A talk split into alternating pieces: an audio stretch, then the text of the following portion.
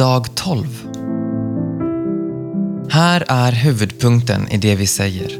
Vi har en sådan överstepräst som sitter på högra sidan om majestätets tron i himlen och som tjänar i helgedomen, det sanna tabernaklet som Herren själv och ingen människa har rest.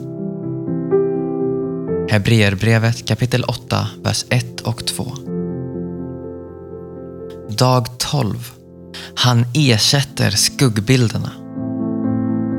Poängen med Hebreerbrevet är att Jesus Kristus, Guds son, inte bara har kommit för att passa in i det jordiska systemet med prästerlig tjänst som den bäste och siste mänskliga prästen. Han har kommit för att fullborda och göra slut på det systemet och rikta all vår uppmärksamhet mot honom själv.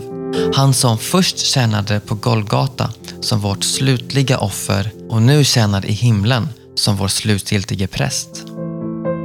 Gamla testamentets tabernakel, präster och offer var skuggbilder. Nu har verkligheten kommit och skuggorna försvinner. Här är en illustration för barn och för oss som har varit barn och minns hur det var. Tänk dig att du och din mamma kommer ifrån varandra i affären. Du börjar bli rädd och får panik och vet inte vilken väg du ska ta. Du springer till slutet av en gång och precis innan du börjar gråta ser du en skugga på golvet i slutet av gången som ser ut precis som din mamma.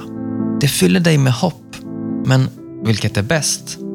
Hoppet du får när du ser skuggan? Eller att din mamma faktiskt dyker upp? Så är det när Jesus blir vår överste präst. Det är vad julen handlar om. Julen ersätter skuggorna med verkligheten.